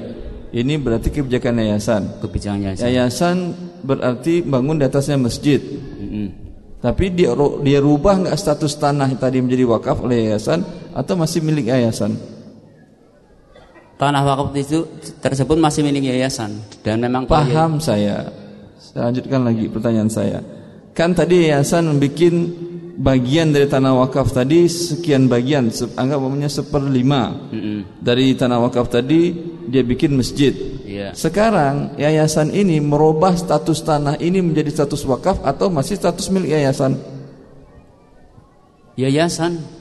Masih yayasan berarti suatu saat bisa dia rubah masjid itu menjadi ruang belajar, ruang kelas, kemudian Iya. ruang pertemuan dan segala Ah. macam bisa berbayar juga untuk ruang pertemuan dan segala macam. Iya. Ya, ini bukan masjid namanya. Tempat sholat namanya. Paham? Mm. Karena dia mewakafkan ke yayasan. Kecuali dia wakafkan ke yayasan sebagai nazir, sebagai pengelola, tapi pengawas ini untuk masjid. Beda. Kalau dia wakafkan, wakafkan ke yayasan terserah. Pendidikan boleh Anda bikin masjid sana boleh terserah Anda. Sekarang terserah yayasan. Dia hanya sedang membangun masjid saja atau memang dia yang untuk bagian yang bagian petak yang ini dia sudah robah statusnya menjadi wakaf bukan milik yayasan lagi. Milik Allah. Pokoknya terserah yayasan lah gitu. Iya, kalau memang sebegitu Mm-mm. Masih milik yayasan ini belum masjid statusnya. Begitu. Tidak, ini nggak ada masalah status nggak masjid kan nggak ada masalah. Boleh kan sholat lima waktu di tempat selain masjid? Boleh atau tidak? Boleh. Boleh bahkan di pasar pun kata Rasulullah SAW boleh. Tapi tidak ada etikaf di situ. Kalau duduk di sana ya sama dengan duduk di sini, sama duduk dengan di gor pahalanya. Kalau ada kajian, alhamdulillah. Kalau tidak ada kajian, tidak ada pahala etikaf. Namanya Kemudian masjid tidak ada tahiyatul masjid. Paham? Yang ada tahiyatul gor. Jelas? Meskipun dinamakan masjid ini. Iya, sama kan gor ini gor masjid. Nama gornya, nggak ada masalah kan? Apakah dengan nama berubah statusnya? Hewan umpama jadi namakan namanya dengan nama manusia. Berubah status jadi manusia? Tidak kan? Paham, akhi? Baik. Kalau ingin juga menjadi masjid, yayasan yang mewakafkan. Urus ke Badan Wakaf Indonesia bahwa yang bagian tanah yang ini menjadi wakaf. Tidak bisa dimiliki yayasan. Artinya suatu saat ketika yayasan likuidasi, ini nggak bisa diakui yayasan sebagai hartanya dia. Tidak ada yang dilikuidasi karena ini milik Allah. Jelas? Tidak juga bisa dijual oleh yayasan, tidak boleh dirubah fungsikan oleh yayasan dan seterusnya. Ya, baik. Eh, pertanyaan berikutnya, Ustaz. Saya jual beli mobil. Terkadang saya menawarkan harga yang berbeda kepada orang yang berbeda. Bagaimana hukumnya, Ustaz? Boleh, tidak ada masalah. Baik, Tidak ada, pertanyaan tidak ada dalam akad jual beli harga harus satu walau orang berbeda, tidak ada. Oleh karena itu hukum asal jual beli adalah boleh. Maka apa pun yang Anda buat selagi tidak melanggar syariat Allah, pada dasarnya boleh. Ya, baik. Selanjutnya, penjual sapi kurban dari luar kota yang menjual sapi melalui brosur foto. Apa? Melalui brosur foto. Ah, saya. Sapi tidak akan dikirim sebelum dibayar. Dan ketika melakukan pengiriman pasti tidak sesuai foto karena tidak mungkin sapinya kembar. Apakah jual beli Sapinya? kembar? Gak paham saya. Eh, maksudnya tidak sama persis dengan yang difoto, Ustaz. Yang di foto lain, yang jual lain. Iya, Yang di foto warnanya putih, yang ini warnanya merah. bisa jadi seperti itu, Ustaz. Berarti dia jual apa dia? Iya. Yang dijambalnya gambar atau sapi? Ada penanyanya mungkin? Nah, silakan. Maksudnya gimana Pak? Pakai mic, Pak, silakan. Eh, sapi bukan barang pabrikan jadi tidak mungkin sama pasti yang difoto dan yang dikirim pasti akan lain mungkin lain warnanya lain eh, gemuk gem- gemuk dan kurusnya gitu hanya foto itu hanya kurang lebih nanti sapinya seperti ini harga sekian gitu. Sebentar. Sapi tadi milik penjual. milik penjual tapi di luar kota Penjual yang jual di luar kota ini dia yang foto. Ya Lalu dibilangnya jualkan tolong sapi saya atau Ya. yang foto tinggal foto dia jual yang memfoto yang menjual dikirimkan ke saudaranya atas di luar perintah kota si pemilik sapi atau bukan? atas perintah si pemilik sapi Artinya kalau kemudian ada orang lain yang beli sebelum tuk yang disuruh foto tadi datang, dia jual juga atau tidak? sebelum Kan tadi A nih foto tolong jualkan. Ya. Lalu datang bapak beli ke saya. ya Dia masih nggak belum ada beritanya. Bapak mau beli cash. Ya. Saya jual nggak sapi ke bapak? Iya pasti. Iya, yang iya. namanya orang jual pasti iya kan Iya. cash. Iya. Iya pasti. Yang tadi berit saya beritahu nggak itu yang sapi warna itu sudah so- laku sobek sudah laku Iya. yang nggak dia jual gitu. Iya. Terus ini yang dikirim sapi lain yang se sepandan. Ta- tapi tetap dijualnya. Oh maaf Pak Ustadz sudah saya jualkan juga, gitu kan ya? Iya. Ya, yaudah saya kirimkan sapi yang sepadan dengan itu. Iya. Tapi bukan yang dalam foto. Iya. Ya, ini penipuan kan namanya. Dia lihat mau kalau orang nikah mau nggak seperti ini. Dalam foto warna putih, aslinya kok warnanya beda gitu. Itu kan manusia Ustaz bukan sapi gitu. Baik. Iya. Pertanyaan berikutnya Mas dilanjutkan Mas. Nggak boleh, akhi. Baik, eh, apakah jual beli ini halal? Kalau haram, bagaimana hukum ibadah kurbannya? Hmm, baik. Dia membeli kurban itu menjadi lazim ketika telah masuk awal Zulhijjah. Idza dakhala al-ashru wa 'inda ahadakum al-jidah. Bila masuk awal Zulhijjah.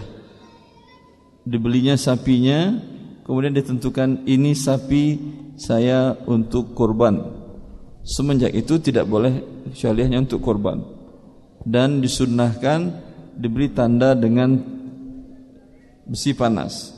Sehingga andai sapi pun hilang semua orang tahu bahwa ini sapi kurban. Pada tanggal 10, 11, 12, 13 si pemiliknya belum datang juga sembelih saja. Paham? Sembelih saja kurban. Kalau bisa disimpan, disimpan sepertiga dari dagingnya untuk si pemiliknya kapan datang. Paham antum itu? Taib. Yang si berkurban gak ada hubungan dengan jual beli ini. Allah barik fikum. Iya, pertanyaan berikutnya dari Berkoh, Mas Bayu. Praktek murabahah, bagaimanakah praktek murabahah yang sesuai syariah? Kemudian kalau belum sesuai syariah, apa yang harus diperbaiki? Ada penanyanya mungkin di sini, biar bisa jelas. Iya. Mic-nya minta tolong. Jadi bagaimanakah praktek murabahah yang bisa dikatakan syariah begitu Ustaz?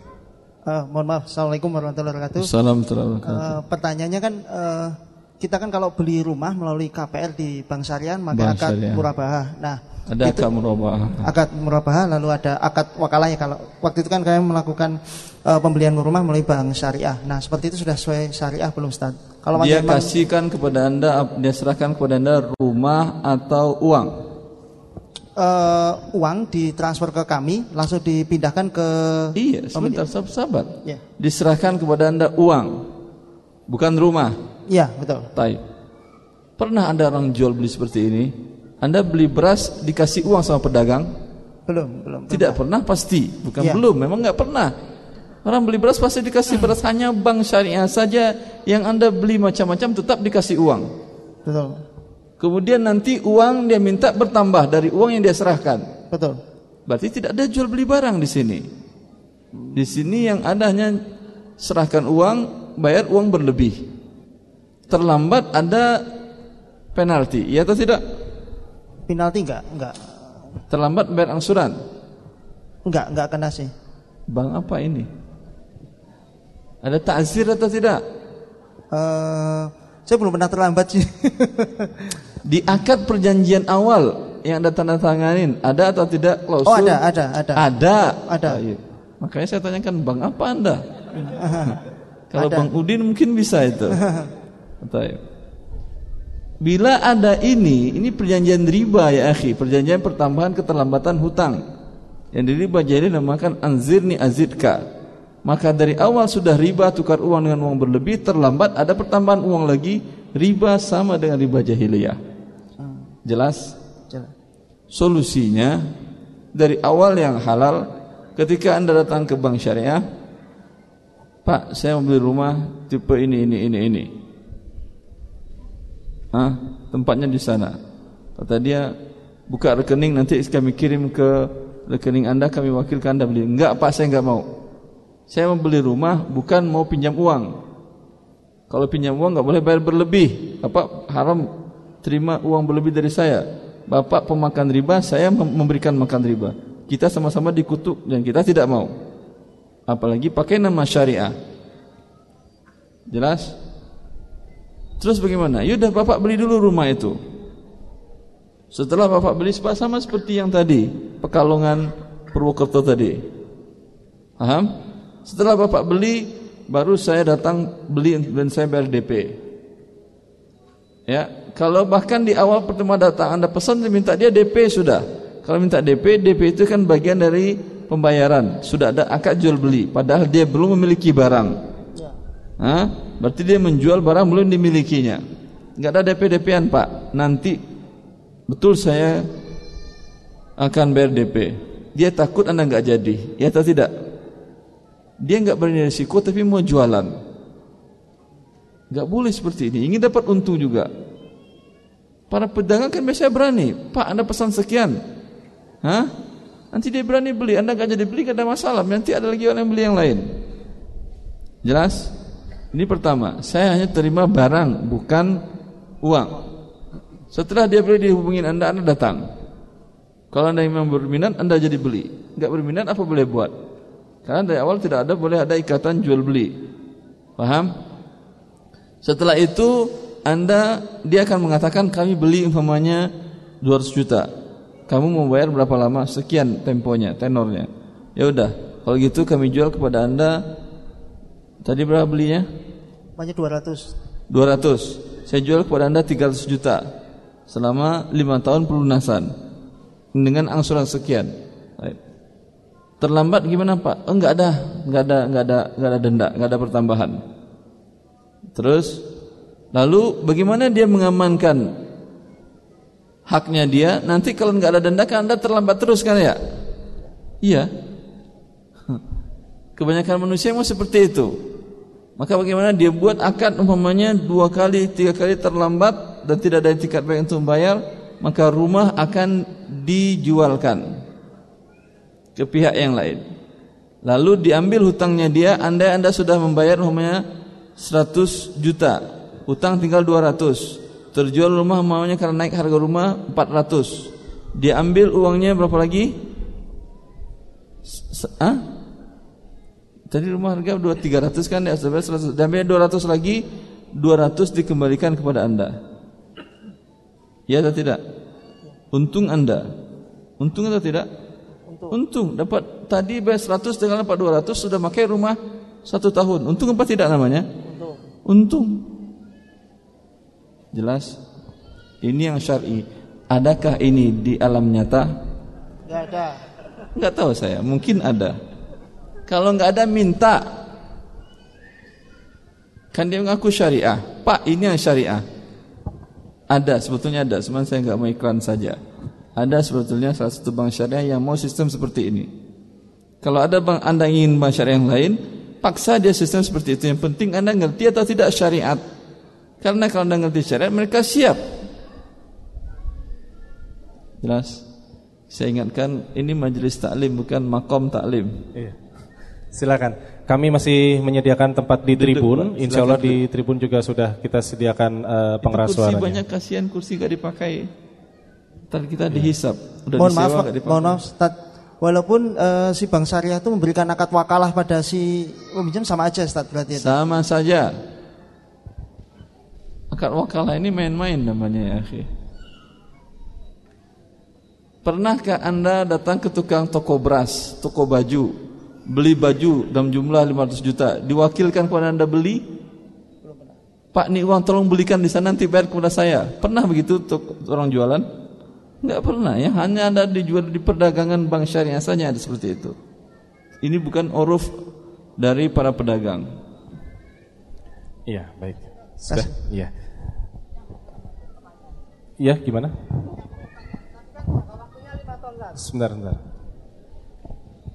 Eh, masalah kasus pembelian rumah yang nyambung baru saja disampaikan.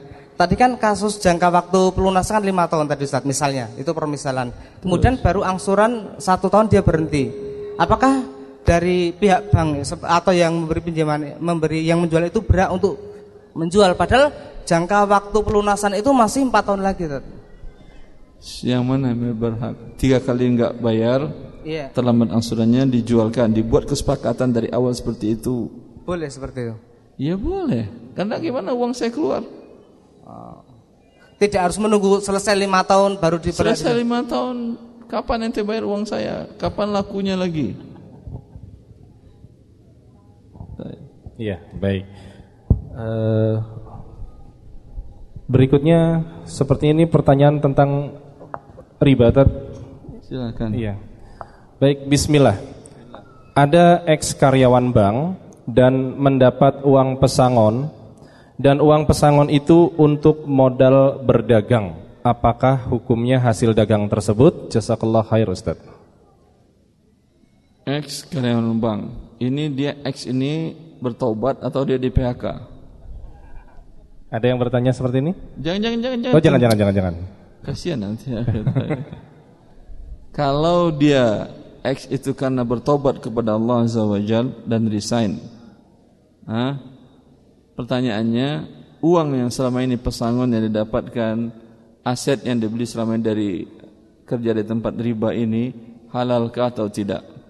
Sama kaidahnya dengan tadi, diberikan seluruhnya kepada fakir miskin. Tapi kita lihat kalau seluruh 100% dari hasilnya ini baik gajinya, yang asetnya, uangnya yang dari harta riba tadi atau pensiunannya pasti dari pensiunan pekerjaan riba tadi, kalau dikeluarkan semuanya dia tidak punya harta yang halal secuil pun juga. Hah? Berarti dia fakir miskin atau tidak? Iya. Ah, taib. Daripada fakir miskin yang lain, dia juga penting ini, butuh. Dari tangan dia. Dia boleh mengambil untuk kebutuhan pokoknya selama satu tahun. Karena hitungan seorang fakir miskin itu satu tahun. Bila memberikan zakat yang dihitung setahun kebutuhan orang, bukan kebutuhan sehari. Ya, karena zakat kan per tahun. Maka begitu cara menghitung status orang miskin. Hitung kebutuhan pokoknya selama satu tahun. Andai rumah yang sekarang dibelinya itu satu-satunya, nggak ada rumah yang lain, dan rumah ini pantas nggak terlalu besar. Artinya dia umpamanya dia dengan istrinya satu, anak tiga, laki perempuan, ya cukup berarti bagi dia rumah minimal tiga kamar. Rumahnya emang sekarang yang anda miliki tiga kamar tidur, nggak perlu ini dijual. Kalau rumah yang dimilikinya sekarang lima kamar tidur, dijual diganti dengan rumah yang tiga kamar tidur. Kalau anak-anaknya sudah pada dewasa punya rumah masing-masing, cuman butuh dia satu kamar. Jual kamarnya sekarang tiga. Jual rumah kamar rumah tiga kamar ini beli dengan rumah satu kamar tidur. Ini kebutuhan minimal. selisih uang penjualannya berikan kepada fakir miskin yang lain. Karena sekarang statusnya bukan miskin lagi. Paham? Dari uang rupiah ini aset. Begitu juga kendaraan, lihat. In, in dari rupiah yang dia kumpulkan, hitung kebutuhan pokok setahunnya dia berdua untuk makan, minum, transportasi dan lain-lain kebutuhan kesehariannya. Dihitung per hari umpamanya kebutuhannya berdua adalah 100 ribu. Berarti sebulan 3 juta. Setahun 3 juta kali 12 36 juta 36 juta kebutuhannya setahun ini pesangon dan gaji tadi semuanya berapa? Ada umpamanya 100 yang 36 juta halal sisanya berikan kepada fakir miskin yang lain dari 36 juta ini bisa dia putarkan untuk modal? Bisa atau tidak? Bisa. Dari sini halal dia putarkan bila berkembang membesar halal semuanya sudah. Jelas ini? Iya, baik. Berikutnya, Assalamualaikum Ustaz. Assalamualaikum Saya Agus dari Batang, Jawa Tengah. Saya terjerat riba KPR selama lebih kurang 4 tahun. Alhamdulillah baru tahun kemarin sudah lunas KPR saya. Padahal saya pakai bank syariah. Bagaimana dengan dosa saya yang telah melakukan riba tersebut? Dosa pemberi makan riba dia rugi dua kali. Uangnya keluar untuk memberikan makan riba kepada si pemakan riba. Itu lembaga yang dia berikan akad ribanya pada di uangnya pada dia untuk makan riba. Maka pertobatannya enggak perlu keluar uang lagi. Pertobatannya cukup dengan bertobat kepada Allah Azza wa Jalla saja. Karena Allah katakan fa in tubtum falakum ru'usu amwalikum. Jika kalian bertobat untuk kalian pokok uang kalian sekarang dia dari awal semua pokok uang dia dia berikan. Yang harus mengeluarkan uang dalam bertobat dari riba adalah si pemberi yang si pemakan riba. A memberikan pinjaman kepada B, C, D, E, F, G dan selanjutnya pinjaman bertambah 10% terus setiap satu bulan pembayaran. Dapat dari 10% ini terkumpul uangnya umpamanya 100 juta. Ya, tahun depan tahu dia itu haram dan riba dan ingin bertobat. Ya, 100 juta ini masih ada ini yang diberikan kepada fakir miskin. Kalau itu sudah habis dan mampu dia berikan kepada miskin-miskin dari uang yang lain, wajib dia keluarkan. Kalau tidak mampu, apa boleh buat? Cukup hanya bertobat kepada Allah. Iya. Berikutnya Ustaz. Assalamualaikum Ustaz Erwandi. Assalamualaikum. Bagaimana hukumnya bekerja di perusahaan rokok? Saya kebetulan sales senior di salah satu perusahaan rokok yang cukup ternama. Kedua, titipan teman saya. Dia sedang galau karena bekerja di distributor sepeda motor yang mengharuskan via leasing. Sementara teman saya paham hukum riba. Mohon penjelasannya, syukron Ustaz. Allah barik fiik. Yang Anda dulu baru nanti temannya. Ya akhi, para ulama dunia sepakat dan jangankan para ulama, para dokter dunia sepakat bahwa rokok membunuhmu. Ya atau tidak? Tidak ada lagi menyebabkan impotensi segala macam, enggak ada lagi. Satu kata saja membunuhmu. Hah? Bila semuanya sepakat membunuhmu, bolehkah membeli alat pembunuh diri? Menjual alat pembunuh diri orang lain? Tidak boleh. Ini hukumnya haram. Ya. Kecuali Anda bekerja di perusahaan pembunuh hama dan bahan bakunya tembakau. Iya kan ya? Tembakau kan pembunuh hama yang organik. Iya atau tidak? Iya, yang merokok itu berarti dianggap hama oleh perusahaan rokoknya. Hah? Pembunuh organik. Entah. Dan itu tidak mungkin. Hampir-hampir tidak ada. Maka pekerjaan Anda adalah pekerjaan yang haram. Uang yang didapatkan adalah uang yang haram dan seterusnya. Bertobatlah kepada Allah Azza wa Jal. Lalu kita bicarakan sekarang teman Anda. Teman Anda bekerja di dealer sebuah Dealer apa tadi akhi? Di leasing Ustaz. Distributor. Distributor leasing. Iya, betul. Bukan dealer motor atau mobil. Distributor sepeda motor yang har- mengharuskan leasing, Ustaz. Dia jual. Iya. Kalau cash bisa ke distributor tadi. Kalau umpamanya by kredit dia oper alihkan leasing. ke leasing, Iya, begitu? iya, seperti Ah, dia termasuk orang yang mengalihkan orang untuk ke neraka, membuat riba, termasuk bagian dari hal tersebut. Bilang ke dia, saya nggak mau nyuruh anda ke leasing, karena itu adalah riba. Saya nggak ingin anda masuk neraka. Jelas? Itu boleh kalau dia bilang begitu. Iya, baik. E, pertanyaan berikutnya, saya pernah pinjam ke bank konvensional. Uangnya untuk membeli sebidang tanah dan modal usaha serta merenovasi rumah orang tua. Tetapi sebelum eh, tetapi hal ini terjadi sebelum tahu kalau pinjam di bank konvensional itu tidak boleh. Bagaimana dengan aset yang saya punya sekarang dari hasil pinjaman itu dan bagaimana dengan rumah orang tua saya yang saya renovasi tersebut? Pinjamannya sudah lunas dan sekarang saya berusaha sudah tidak ingin lagi berhubungan dengan riba. Alhamdulillah tidak ada konsekuensi apa pun juga kecuali hanya bertobat kepada Allah Azza wa Jalla dan tidak melakukannya kembali. Alhamdulillah. Enak berarti kan ya? Tapi jangan bikin dulu antum. Oh kalau gitu saya bikin juga seperti itu Ustaz. Kalau mati besoknya ente gimana? Mati dalam keadaan berbuat riba. Ini karena dia bertobat setelah dia mengetahui itu dan lunas sudah Alhamdulillah.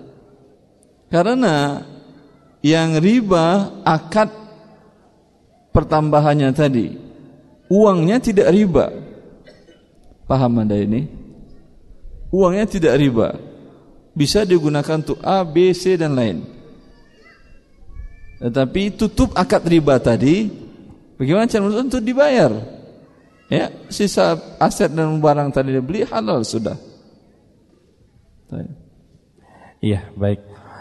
E, pertanyaan berikutnya, Ustadz mau tanya, saya dapat rumah dari orang tua, tetapi orang tua membangun rumah dengan hutang bank, dan sekarang hutang selesai.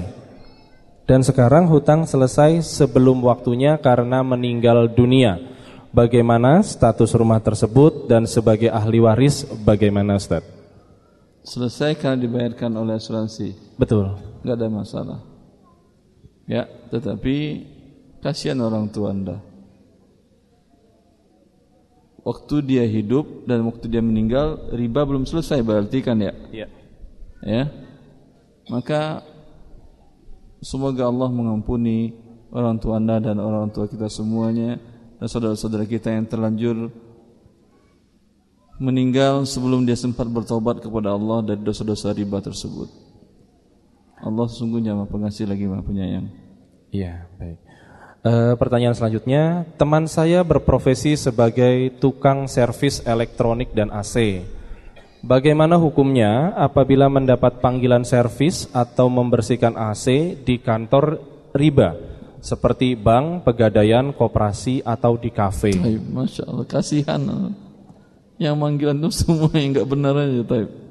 Enggak ada gitu yang masjid manggilan tuh, Taib. Ya, akhi. Mungkin anda katakan, ini kan enggak ada hubungan dengan akad ribanya, Ustaz. Kalau AC-nya panas atau bau, mau enggak nasabah buat akad riba di sana? Hah? Mau atau tidak? Pasti tidak mau. Jadi tidak ada yang ringan dalam permasalahan hubungan dengan lembaga-lembaga riba tersebut. Berarti dengan Anda perbaiki AC-nya dingin dan nyaman mereka membuat akad riba di tempat itu. Gara-gara Anda ribanya mantap. Innalillah. Baik, pertanyaan ini datang dari pemirsa Ahsan TV secara all offline eh, dari Emil di Bogor. Ustadz, saya ingin menjual rumah untuk berhenti dari sistem riba. Tetapi angsuran KPR-nya masih jauh atau lama. Mohon solusi terbaik dari Ustadz agar saya bisa lepas dari masalah riba dalam kehidupan saya ini. Bila Anda telah merasakan panasnya riba dan sengsaranya melakukan dosa maksiat riba kepada Allah Azza wa Jal, minta kepada yang memiliki langit dan bumi ini untuk membebaskan anda dari kesulitan ini. Ya. Allah telah mengatakan tentang tiga sahabat Nabi sallallahu alaihi wasallam yang merasakan wadaqat alaihimul ardu bima rahubat dhannu an la malja'a min Allah illa ilaih. Tiga sahabat Rasulullah yang tidak ikut dalam perang Tabuk merasakan sengsaranya hidup untuk lari dari kewajiban tersebut tidak nyamannya dia wa dhannu an la malja'a min Allah illa ilaih. Mereka meyakini tidak ada tempat kembali yang bisa memperbaiki kebahagiaan hidup mereka kecuali kepada Allah dan mereka kembali kepada Allah maka minta kepada Allah untuk memudahkan anda untuk bertobat dan merasakan kebahagiaan sebelum dahulu anda pernah berbuat dosa kepadanya. Bagi Allah sangat mudah bila mengetahui seorang hambanya benar-benar serius bertobat kepadanya jujur untuk bertobat kepadanya dan kembali kepada Allah Azza wa Jal. Bukankah Allah telah mengatakan ma taqarraba ilayya 'abdi? Dalam hadis qudsinya وما تقرب إلي عبدي شبرا إلا تقربت إليه باعا ومن تقرب إلي باعا تقربت إليه ومن تقرب إلي ذراعا تقربت إليه باعا ومن أتاني هرولة أتيته يمشي ومن أتاني يمشي أتيته هرولة kata Allah Azza wa Jal tidaklah seorang hamba yang ingin kembali kepadaku kata Allah mendekatkan diri kepadaku bertobat dan kembali kepada aku dan kepada syariatku sejengkal melainkan aku datangi dia satu hasta dan siapa yang mendatangiku satu hasta aku datangi dia satu depa siapa yang datang kepadaku dengan berjalan aku datangi dia dengan berlari kata Allah maka Allah sangat menyambut orang-orang yang ingin datang menghadapkan diri dan menyerahkan diri kepadanya hanya kepada Allah yang bisa memberikan solusi. Iya. Uh, berikutnya terkait dengan asuransi, Ustaz. Assalamualaikum. Assalamualaikum warahmatullahi Ikut ikut asuransi pendidikan 16 tahun dan ini sudah mau selesai dan keluar uangnya. Bagaimana hukumnya dengan uangnya? Lebih baik digunakan untuk apa? Jazakallahu khairan. Asuransi pendidikan yang dibayar preminya berapa? Yang diterima berapa? Pasti berlebih. Ya atau tidak?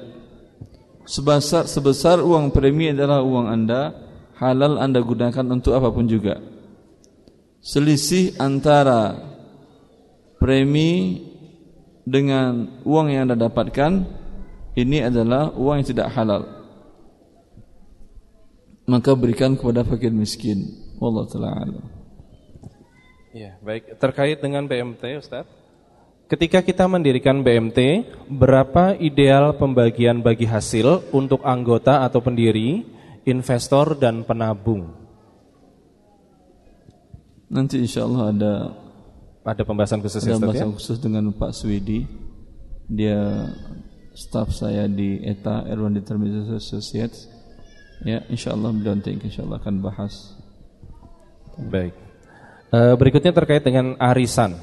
Assalamualaikum Ustaz. Assalamualaikum warahmatullahi wabarakatuh. Bolehkah mengikuti arisan motor setiap bulan semua anggota setor 250 ribu. Setelah itu yang dapat dilakukan secara lelang. Siapa yang berani lelang terbesar dia yang mendapat motor. Pengelola arisan mengambil 2,5% dari nilai motor untuk administrasi. Dia ikut dia ikut juga dalam arisan atau tidak pengelola? Uh, barangkali penanya kalau dia ikut tidak boleh, kalau dia tidak ikut nggak ada masalah. Tapi kemudian sekarang jual beli motor. Ini tadi masing-masing membayar berapa? 250 ribu. 250 ribu. Iya. Apakah setiap tahun sama harga motor? Tidak. Hah? Beda. Berarti tahun ini bulan ini 250 ribu, mungkin tahun depan berapa dia bayar? 300-an. Mungkin 300. 250 walaupun harga motor naik nanti dapat cuman yang tahun kelima cuma dapat ban nggak apa-apa. Iya atau tidak? Iya. Orangnya kan segitu-segitu aja.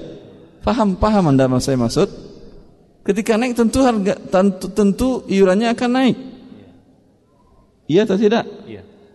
Realnya bagaimana? Mana yang bertanya? Saya nggak masuk akal tetap iya. segitu sampai lima tahun nggak masuk akal. Tapi akal beliau mungkin masuk, silahkan.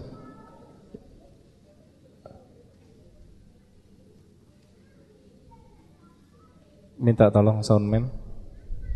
Iya, dicoba mas. Masih belum bisa itu. Ah, oke, okay, siap. Uh, jadi tiap uh, bulan itu disisakan sekitar dua setengah persen nanti untuk kenaikan harga, Pak Ustadz. Kalau naiknya 10 persen, inflasi berapa persen setahun? 7 persen. Anda cuma dua setengah persen disisihkan. Ya, kan ini akumulasi nanti kalau misalnya ada kenaikan nanti ambilkan dari yang dua setengah persen itu tadi. Kenaikan harga motor uh, nggak sampai ini sih biasanya. Dua setengah persennya per bulan, per satu per bulan. Jadi tiap bulan Berarti ketika dapat yang awal, iya. itu bukan sebesar uang yang dia bayar. Iya. Iya. Berarti dia pinjam uang sekian, dia bayar berlebih. Kalau iya. Iya, betul. Apa namanya? Riba. Anda sudah jawab. Terima kasih atas jawabannya.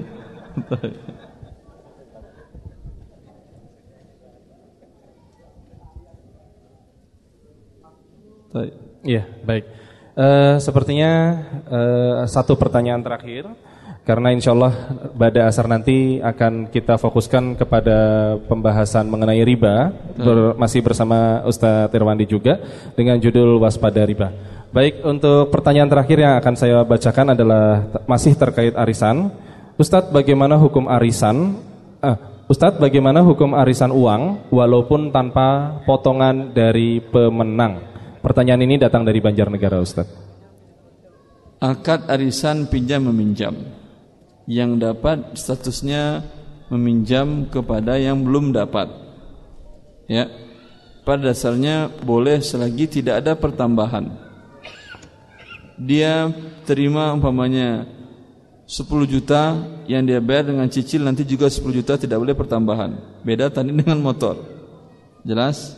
Maka menjadi halal. Tapi bila ada persyaratan yang dapat nanggung makan, nanggung ini segala macam, ya berarti ini dia pinjam kurang. Karena dia harus bayar beli ini, beli ini, beli itu. Dapat 10 juta buat biaya makanan tadi ada 500 ribu. Ya, kamu karena kamu pinjam uang saya, beri saya makan ya. Maka ini adalah riba. Dia terima 9,5 yang dia bayar nanti adalah 10 juta. Jelas? Bila tidak ada persyaratan seperti itu, ya, tidak ada hubungan dengan makan-makan segala macam, ya, murni uang saja yang diputarkan setiap kali pertemuan, maka hukum asalnya boleh dan bagus.